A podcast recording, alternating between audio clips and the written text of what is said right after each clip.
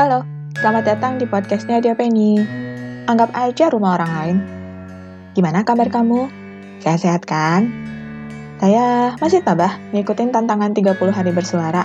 Dan ini sudah hari ke-30 alias hari terakhir. Tapi besok masih ada satu hari lagi. Satu hari bonus. Memasuki hari ke-30 tantangan 30 hari bersuaranya The Podcasters Indonesia. Tema hari ini adalah resolusi. Sejak saya mulai bikin jurnal, lupa kapan tepatnya udah belasan tahun yang lalu. Saya selalu menyisipkan daftar resolusi setiap menjelang tanggal 1 Januari setiap tahunnya. Kadang-kadang, isi daftarnya bisa panjang banget dan rada muluk-muluk. Suka malu banget kalau baca lagi. Misalnya, kalau tahun itu lagi ada ide buat bikin cerpen atau novel, dan munculnya menjelang Desember atau akhir Desember, maka saya pasti nulis menghasilkan sejumlah cerpen dan novel di salah satu daftar resolusi. Walau ya, sejak bulan Januari bermula, ternyata feel buat nulis cerpen atau novel langsung hilang. Dan resolusi yang itu udah berusia belasan tahun, gak pernah diulangi lagi di daftar resolusi tahun berikutnya, dan memang gak pernah terjadi. Soalnya gini, setiap kepikiran bikin cerpen dan udah mulai nulis kerangkanya, nggak tahu kenapa selalu ke mana-mana dan akhirnya nggak selesai. Padahal baru bikin kerangka loh. Oh ya, saya jadi ingat. Saya pernah bikin novel buat ikutan lomba nulis novelnya Femina. Ya jelas nggak menang lah. Kalau saya nulis, biasanya bahasa yang saya pakai itu bahasa anak-anak. Dan itu novel Femina. Kayak nyambung kan?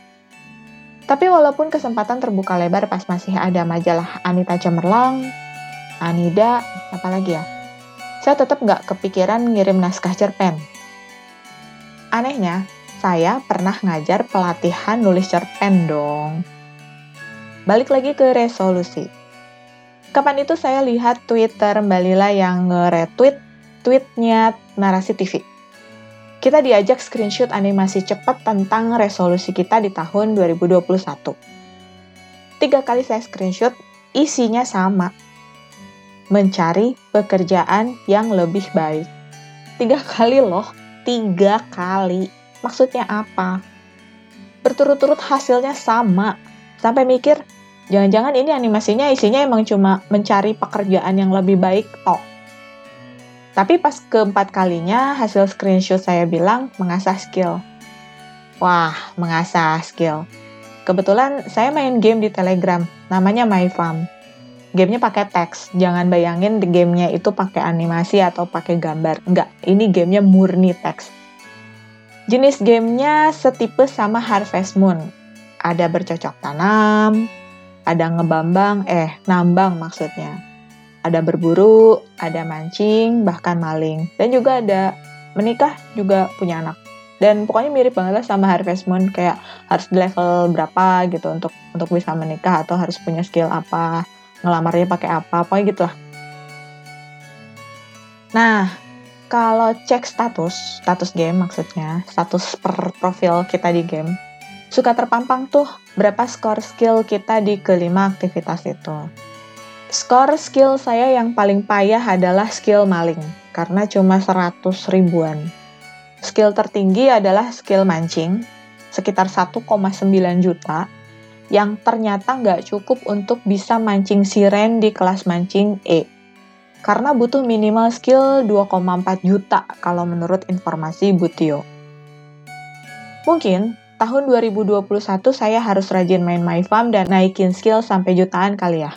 Maksudnya gitu kali ya, dari kata-kata mengasah skill dari screenshot yang saya dapat itu. Jujur aja sampai sekarang saya masih kepikiran sama tiga screenshot yang hasilnya sama. Apakah ini pertanda? Nggak tahu ah. Tapi pas dapet screenshot yang keempat, ngebuktiin kalau si animasi cepatnya narasi TV itu ternyata isinya nggak melulu soal mencari pekerjaan yang lebih baik. Kalau soal itu, saya juga nggak tahu apa ada pekerjaan yang lebih baik dari yang sekarang saya kerjakan.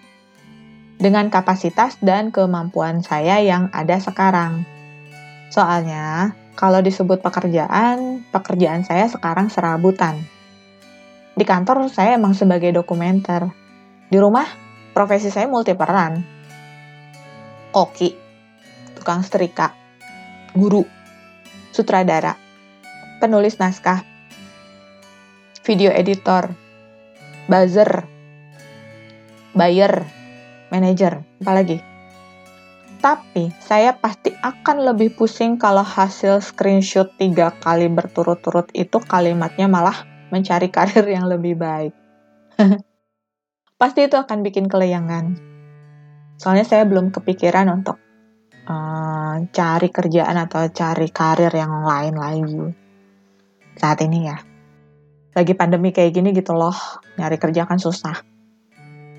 Ngomong-ngomong soal resolusi lagi, beberapa bulan lalu saya buka-buka jurnal tahun 2005. Ternyata saya pernah nulis menikah di urutan pertama resolusi tahun itu. Saya nggak tahu apa yang bikin saya nulis kata itu di urutan teratas. Padahal saya baru beberapa bulan resmi jalan sama pasangan saya. Dan ya, ternyata alhamdulillah kejadian di bulan ke-11 tahun itu. Saya lalu berpikir, jangan-jangan resolusi ini semacam doa. Makanya kita harus berhati-hati saat menulis resolusi. Karena itu, kita kayaknya harus nulis resolusi yang baik-baik aja, semuluk apa pun itu. Soalnya, saya nggak inget kalau pernah nulis menikah di daftar resolusi, bahkan di peringkat teratas pula. Kalau nggak buka-buka jurnal tahun 2005 itu, saya mana inget pernah masukin kata menikah di daftar resolusi yang kemudian jadi kenyataan. Hmm, lalu resolusi saya di tahun besok apa? Belum kepikiran sih.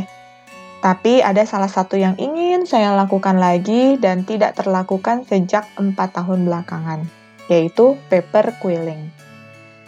Saya masih punya niat bikin paper quilling dengan tema peta dunia dan salah satu scene cerita Little Prince.